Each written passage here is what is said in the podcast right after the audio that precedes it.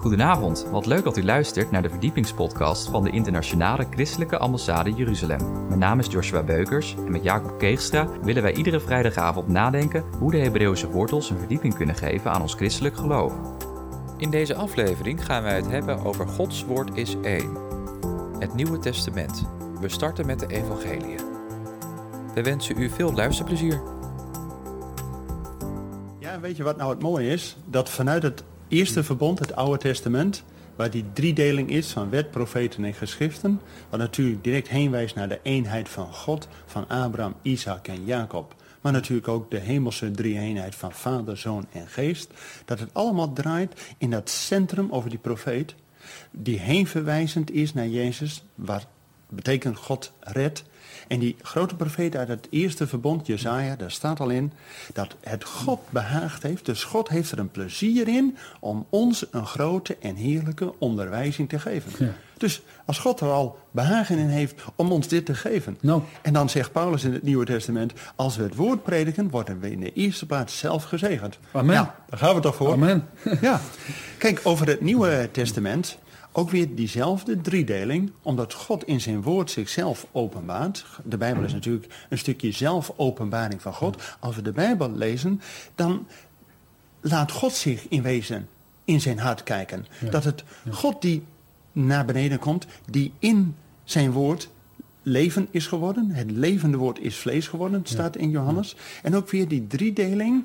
hè, want God weer is die, eh, één van drie. geschriften en profeten. Ja, en dan in het Nieuwe Testament heb je dan de evangeliën. Dat is in wezen de wet van Jezus, hè, zeker in de bergreden. Dan ehm, krijgen we de geschriften, die natuurlijk alles samenhangen in het Nieuwe Testament met de brieven. En het profetische deel in het Nieuwe Testament is openbaring. En we mogen blij zijn dat de openbaring nog steeds in Gods woord staat. Want eh, ja, door de loop der kerkgeschiedenis vond men wel eens, ja, openbaring, wat moeten we ermee? Hè? Het is nog net aan het eind van de Bijbel erbij gevoegd. Maar God waakt zelf over zijn woord. Dus hij laat zien dat dat ook een heerlijke boodschap voor ons gaat worden. Ja, van Maar- openbaring is ook het boek der troost, hè? Uiteraard, Ja. uiteraard. Ja. Amen. Dus dat hebben we zeker nodig om het vol te houden voor de komende tijd, dat we getroost worden. Ja. Maar de troost is niet alleen aan het eind, de troost begint ook al aan het begin van het Nieuwe Testament. En om, zeg maar, deze, dit Nieuwe Testament staat niet los. Hè, het, staat- is niet zomaar eh, uit de lucht komen vallen. Het staat in zijn hele context. Ja, want de basis van het Nieuwe Testament Ja. ligt eigenlijk in het Oude Testament. Ja, van het hele Oude Testament, wet, profeet en geschriften. De wet zegt al dat het heenverwijzend is naar de Messias. Ja. Hoort naar hem. En het Nieuwe Testament, Jezus leefde als orthodoxe Jood. Die in die zin ook alles deed naar de geboden van de Vader. Dus hij leefde ook een Torah-getrouw leven. En door Torah hebben we gezien met die vijf boeken van Mozes, wat in het centrum staat, en een focuspunt, heb je naaste lief als jezelf, want ik ben de Heer. En er wordt samengevat op het eind met, heb dan ook God lief met alles wat in je is. Naar geest, naar ziel en naar lichaam. Dus we worden ook opgeroepen, heel ons leven in dienst en tot de ja, tot de roeping die God ons heeft. Dat we God mogen dienen. En daardoor mogen we leven voor zijn aangezicht. Nou, zullen we eens kijken naar het eerste, Ja. het nieuwe verbond met die driedeling van evangeliën en dan de geschriften, ook wel de brieven en dan eh, openbaring, hè, het profetische deel. Nou, dan natuurlijk direct de vraag, waarom zijn er nou vier evangeliën? Heb jij enig idee waarom dat er nou vier evangeliën zijn? Ja, ik denk dat het eh, ermee te maken heeft eh, dat we, dat, dat, omdat het dan van verschillende kanten belicht wordt en omdat we dan een betrouwbare getuige hebben. Ja, Hè, doordat vier mensen eigenlijk hetzelfde zeggen, ze, ze vullen elkaar goed aan. ja. En eh, ik denk dat het daar iets mee te maken heeft. Ja, ja dat uh, ja, kan ik alleen maar amen op zeggen. Kijk, om de, de, de, de boodschap natuurlijk te zien... dat vanuit het Oude Testament zomaar naar Matthäus 1, het Nieuwe Testament... weet je dat er 400 jaar stilte is tussen de laatste profeet van het Oude Testament... het eerste verbond, en dan met Matthäus 1, wanneer het Nieuwe Testament in volle glorie zich richt op de geboorte van de Messias. Er zit 400 jaar tussen. Dus 400 jaar lang waren er geen profetieën uitgesproken Nee, ook. nee, en 400 heeft ook in dat Hebreeuwse denken te maken met die eh, letters hè, van het Hebreeuwse alfabet. Die hebben ook een niet alleen een letterwaarde, maar ook een cijferwaarde. Zoals A, B, C heeft ook de betekenis van 1, 2, 3. En het laatste letter van het Hebreeuwse alfabet, de 22e letter, de taf, heeft een getalswaarde van 400. Het is toch niet voor niks dat er 400 jaar tussen het laatste van het Oude Testament en het nieuwe van het Nieuwe Testament zit.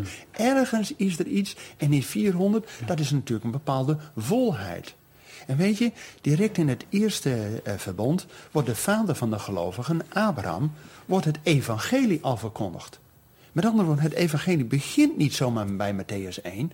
Dat denken sommige christenen wel van, oh nou, het Oude Testament kunnen we wegdoen, want het begint alles bij Matthäus 1. Nee, God zelf zegt, tot drie keer toe, dus niet zomaar wat, dat het evangelie eerst aan Abraham verkondigd is. En 400 jaar na Abraham is pas de Torah, de onderwijzing die met Mozes geschreven is, gekomen. Daar zit ook weer die 400 jaar tussen. Dat is ook ergens een bepaalde afronding en een voltooidheid. En Abraham als vader der gelovigen kreeg de belofte van het evangelie. En wat nou wat mooi is, dat ook in het Nieuwe Testament wordt er steeds naar terugverwezen. Als Jezus zegt in Johannes 8 vers 57, zegt Jezus zelf, onze Messias, zegt hij van... Abraham heeft mijn dag gezien. Dat is natuurlijk heen verwijzen. Als Abraham zijn zoon Isaac moet offeren, de zoontype, is het plaatsvervangen dat een ram wordt geslacht. Maar heen verwijzen ziet hij dat het ram He, dus het paaslam van, de, van God zelf. Zijn eigen zoon wordt wel geslacht. En Abraham heeft mijn dag gezien, zegt Jezus. Er zit dus een veel diepere boodschap in. Tuurlijk. En er staat er niet bij van, oh, hij vond het maar niks. Nee, Abraham heeft mijn dag gezien en heeft zich daarover verheugd. Nou, met andere woorden, als ook voor ons als christenen, we leven nu precies in de tijd van Pasen, dat ook ons paaslam is geslacht, laten we feest vieren. Nou, we gaan het nog eens een keer hebben, een hele serie over de feesten van God. Hè, van Pasen, Pinkster tot het allergrootste feest van de inzameling aller volken. Maar dat is toch al de context die hier bij Matthäus 1 gesproken wordt. Dat het evangelie al vanaf Abraham ja, de wereld in is gegaan. En natuurlijk helemaal al vanaf Genesis 1 dat God vanuit de duisternis het licht ja, ons gunt en het licht heeft gemaakt. Want het eerste woord wat God zegt, er zij licht. Nou, in die context gaan we Matthäus. En Matthäus, waar natuurlijk direct gesproken wordt over dat verlengstuk hè, van de geslachtslijn, de ja, Toledot. Ja, daar begint het ook mee, hè, met de geslachtslijn. Weet je dat in India mensen tot geloof komen doordat ze Matthäus 1 lezen? Wij als christenen denken, oh, al die moeilijke woorden, al die namen, nou, wat, wat hebben wij daaraan? Weet je, mensen in India die dan zien dat God zijn zoon een hele duidelijke af stemming en afkomst heeft. Dat het niet maar eens een beetje, oh, honderdduizend jaar ooit eens. Nee, maar heel duidelijk vanaf Abraham tot David, veertien geslachten. Van David tot de Babylonische ballingschap, veertien geslachten. Van de Babylonische ballingschap tot Jezus, veertien geslachten. Dus drie keer veertien geslachten. Mhm. En er zit ook nog de lijn in van Abraham tot David. Dat is de tijd van de priesters. Dat is de tijd ook van de richters van de profeten. Zeg maar, Samuel was een profeet, dat zijn de richters. Dus de profetische periode van Abraham tot David. Maar vanaf David de koninglijn en dan al die koningen, 14 geslagen, tot de Babylonische ballingschap. Dus de koninklijke periode. En dan vanaf de ballingschap tot aan de uh, komst van Jezus, de geboorte van Jezus, wat in Matthäus 1 wordt verhaald, ja, dan waren de hoge priesters die dienst deden en leiding gaven aan het volk. Dus je ziet ook dat Jezus is voortgekomen uit profeten, koningen en priesters. Dus ook die roeping van Jezus heeft een profetische bestemming, een koninklijke lijn, maar is ook de hoge priester. Nou, en dan even terugverwijzen naar uh, het eerste verbond. Waarom nou drie keer veertien? Want er is in totaal 42 geslachten. Mhm. Nou, dat heeft ergens te maken met als het volk van Israël, het volk van God, vanuit die slavernij van Exodus, vanuit van, die duisternis, van de duisternis van Egypte, de slavernij, tot de bevrijding en tot het beloofde land komt. Het is natuurlijk heen verwijzend dat dat drie keer veertien pleisterplaatsen. Er waren 42 pleisterplaatsen als oases om vanuit de duisternis van Egypte tot het beloofde land te komen. En zo geeft God ook in zijn geslachtslijn tot Jezus toe de 42 pleisterplaatsen die heen verwijzend zijn naar de Messias die ons in het volledige licht en in het beloofde land gaat brengen. Nou, dat vind ik nou zo'n mooie diepgang, hè?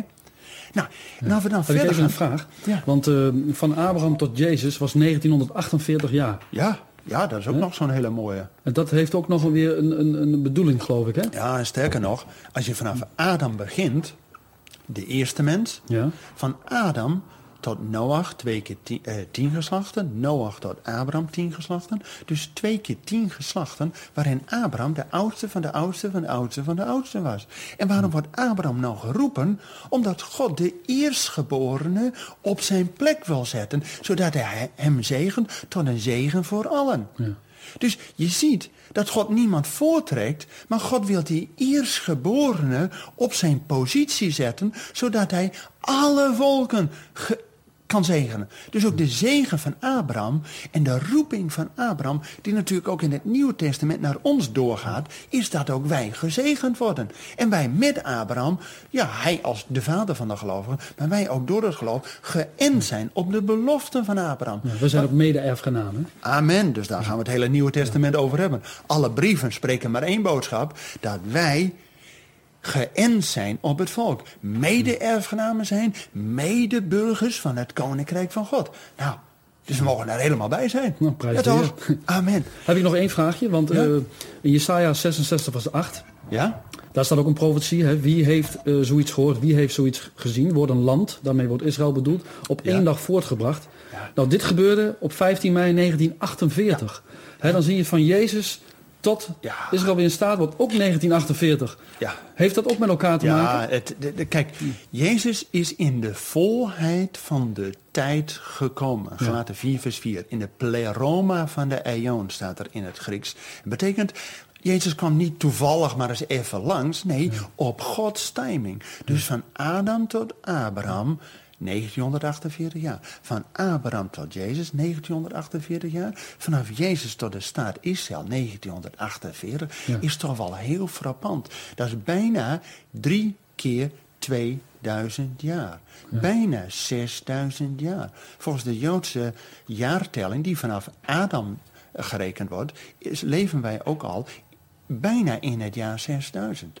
Betekent dat er toch ergens iets, een dieptepunt is, dat natuurlijk ook al in Hosea 6 staat, van wanneer komt Jezus weer? Dat is natuurlijk het uitzicht waar we naartoe leven. Ja. Want Jezus is niet alleen gekomen in de volheid van de tijd om zijn werk aan Golgotha eh, te volbrengen. Hè? Het is volbracht, zodat wij geënt zijn op die beloften, door het geloof behouden zijn. Maar hij komt weer.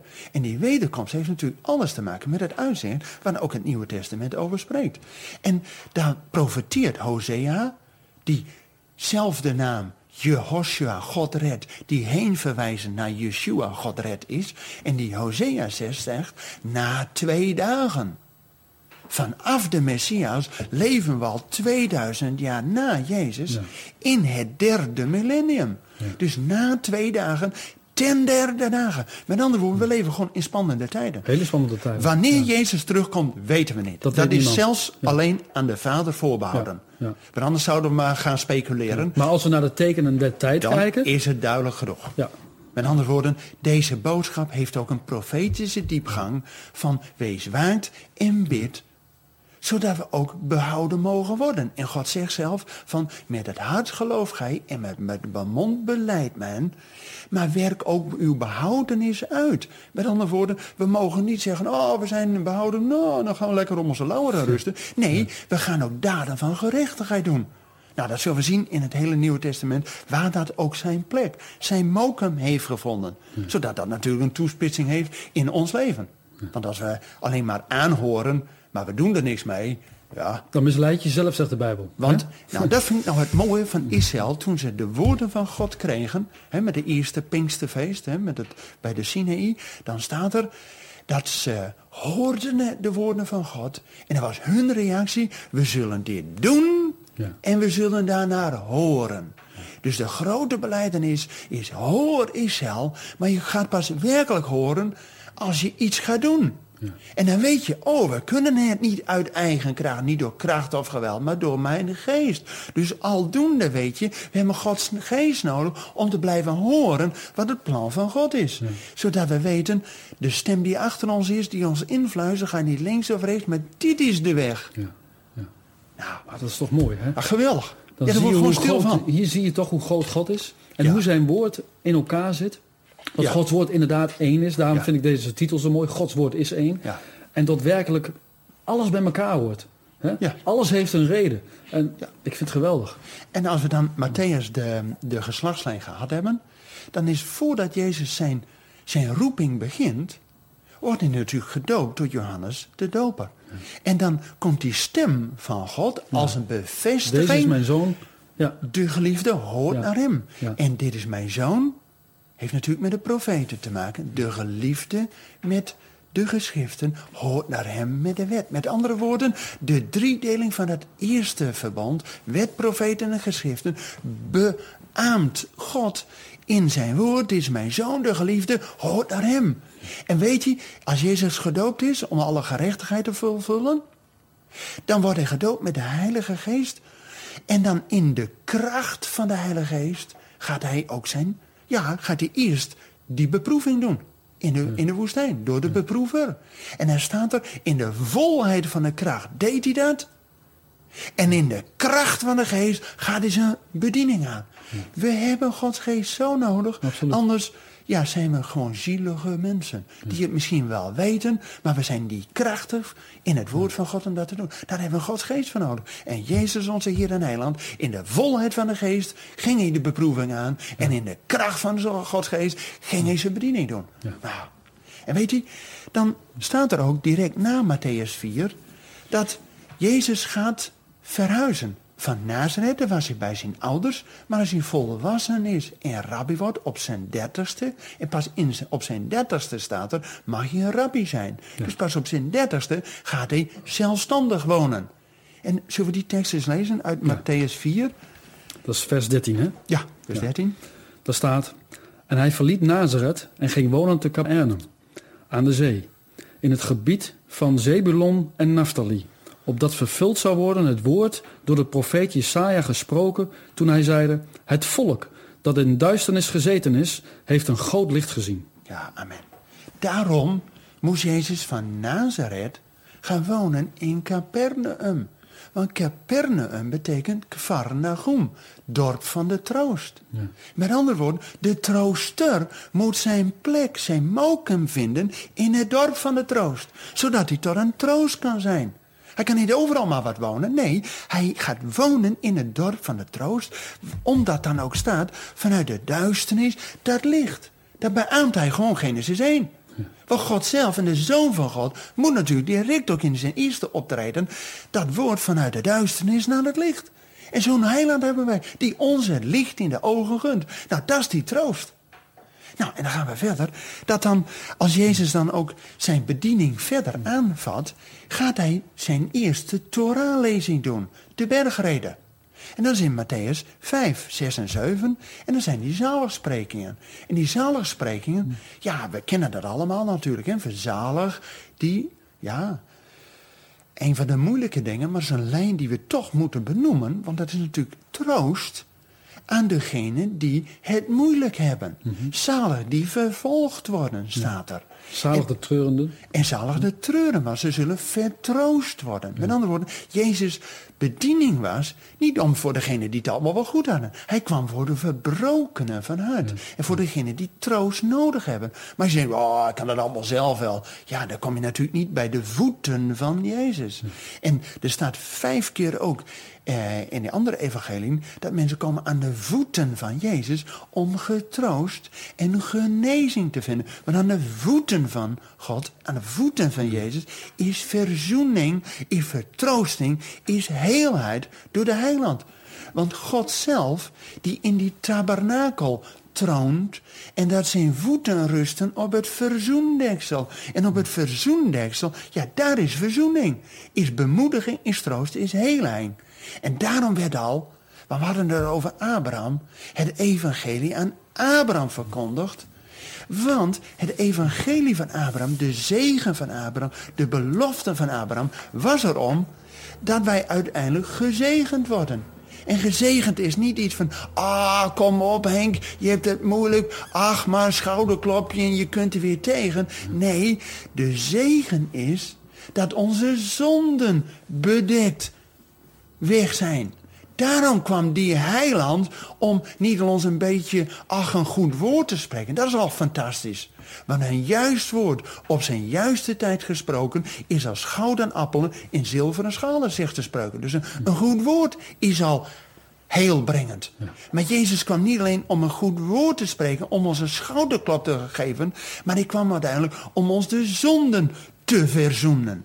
En dat is heelheid van binnenuit. Ja, ja toch? En daarom spreekt hij, zalig de treuren, maar u zult vertroost worden. Nou, en dan gaan we verder. Want ja, Matthäus, het hele evangelie van Matthäus, dat is bijvoorbeeld, staan ook zo'n lijn in, als we kijken naar Matthäus 13, in het centrum van uh, de, het eerste evangelie. En we kunnen niet het hele evangelie behandelen, maar het begin, eind in het centrum. Hè? Dat was ook de bedoeling van Gods woord, het zijn, dat we het kader hebben. Het begin. Dat zagen we ook veel in het Oude Testament. Hè? Iedere keer het begin en eind. Jezus zegt zelf, ik ben de alfa en omega, dus het begin en het eind. En het centrum. Maar is het focuspunt, het brandpunt, ook in de volheid van de tijd, dan komt Jezus. Met andere woorden, die indeling willen we ook in het Nieuwe Testament zien. Nou, in het midden van Matthäus, daar staat in Matthäus 13 bijvoorbeeld, het doel van al die gelijkenissen. Want Jezus als wetsgetrouwe Jood, die in de lijn van de profeten van Jezaja, Jeremia, Ezekiel, al die grote profeten, moest Jezus in geheimenissen spreken. Weet je waarom? Ja, omdat het, uh, de bedekking nog over het volk lag. Is toch vreemd? Dat God aan zijn eigen volk zijn woorden heeft bekendgemaakt. En dan profiteert hij via Jezaja en al die grote profeten. Maar God heeft de watjes in de oren en de schel in de ogen. Dus er ziet een plan van God in die eigenlijk heel vreemd is. Die zullen natuurlijk moeten ja, zien, want God wil zich openbaren. Dus het blijft niet een geheimenis. Het geheimenis wordt geopenbaard. Daarom is openbaring zo nodig. Want direct aan het begin en het eind van openbaring gaat het over dat de geheimenissen voltooid zijn. Nou, dan wordt het volle licht over Gods woord geopenbaard. Alleen Jezus, die moest natuurlijk in de lijn van die profeten spreken in gelijkenissen, in geheimenissen. En bijvoorbeeld in Matthäus 13 staan er zeven gelijkenissen. En iedere keer spreekt God, en Jezus, spreekt je over het koninkrijk van zijn vader. Koninkrijk der hemelen. En dan zegt hij, het koninkrijk der hemelen is als. Dan maakt hij een vergelijking, een gelijkenis. En dan heeft hij over de zaaier en over uh, de ponden en al die, al die zeven die alleen al in dit hoofdstuk naar voren komen. Jezus heeft meer gelijkenissen, geheimenissen gesproken. Maar in dit hoofdstuk staat dan iedere keer het koninkrijk der hemelen is als. En dan staat in het slot, dan zullen we dat lezen. Daarom vers 13. Uh, Matthäus 13, dan het laatste vers, uh, vers 51. Dan vraagt Jezus aan het eind aan zijn discipelen, waarin hij de gelijkenissen verkondigt, hè, echt openbaart. Heb gij dit alles verstaan? Ja. Dus Jezus was een echte onderwijzer. En hij vertelt het aan zijn discipelen. En hij vraagt dan, heb gij dit verstaan? heb je het begrepen? En wat zeggen ze dan? Zullen we dat lezen? Ja, dan zeggen ze... Vers 51. Ja, zeggen ze dan. En, en ja, ja en, en, dan gaat hij verder. En dan gaat hij verder. Ja, en dan hij zeide tot hen... Daarom is iedere schriftgeleerde die een discipel geworden is van het koninkrijk der hemelen... gelijk aan een heer des huizes... die uit zijn voorraad nieuwe en oude dingen tevoorschijn brengt. Zie je hoe zijn belofte Jezus hier zegt. Wanneer je schriftgeleerde bent, zegt hij natuurlijk in de eerste plaats tegen Israël. Maar ook aan christenen die alleen maar het woord lezen, maar er niks van mee doen. Hij zegt hier, wie een schriftgeleerde is, maar discipel wordt.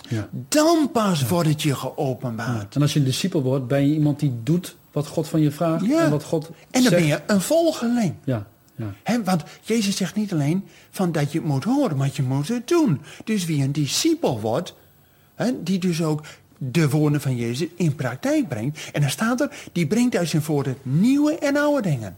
Heeft natuurlijk ook te maken vanuit het Oude Testament naar het Nieuwe. Dus die, die, die openbaring dat het licht erover gaat als je gewoon de weg van God gaat doen. Als je een discipel wil worden. En als je dat niet wil worden, dan blijft er een bedekking op. Ja. En die bedekking, dat, dat had ook te maken uh, met, het, met de heidenen, hè? Ja.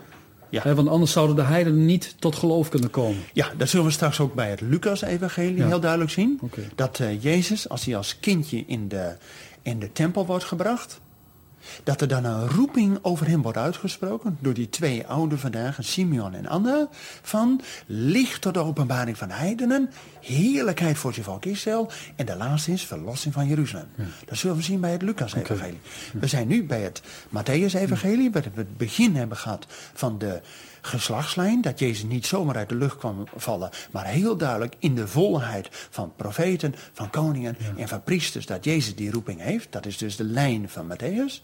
Dan dat Jezus zijn Torah uitlegt met de bergreden, zalig die treuren, want ze zullen vertroost worden door de trooster.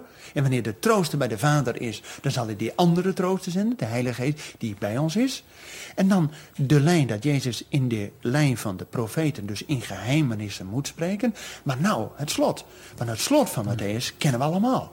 En dat gaat over de zegen. En we gaan hier natuurlijk niet weg voordat we gezegend zijn. Dus in Matthäus staat, hè, natuurlijk Matthäus 28, het uh, zendingsbevel. Ik zend u als discipelen. Ja. Zodat ge leert en onderhoudt wat ik u geboden ben. En dan de belofte, ik ben. Ik ben dus God zelf. Ik ben die ik ben. Die gaat met u mee tot aan de voleinding der wereld. En waarom staat nou de zegen bij Matthäus op het eind? Bedankt voor het luisteren naar deze verdiepingspodcast van de ICEJ. Waardeert u onze podcast? Steun ons dan met een donatie. Abonneer u of deel deze podcast met uw vrienden of familie. Ga naar www.icej.nl. Volgende week zal Jacob deze vraag beantwoorden. En gaan wij verder met deze Bijbelserie Gods Woord is één. In samenwerking met Henk van Zon van Without Limits. We hopen dat u wederom naar ons luistert. Voor nu een hartstikke goede week toegewenst en bedankt voor het luisteren.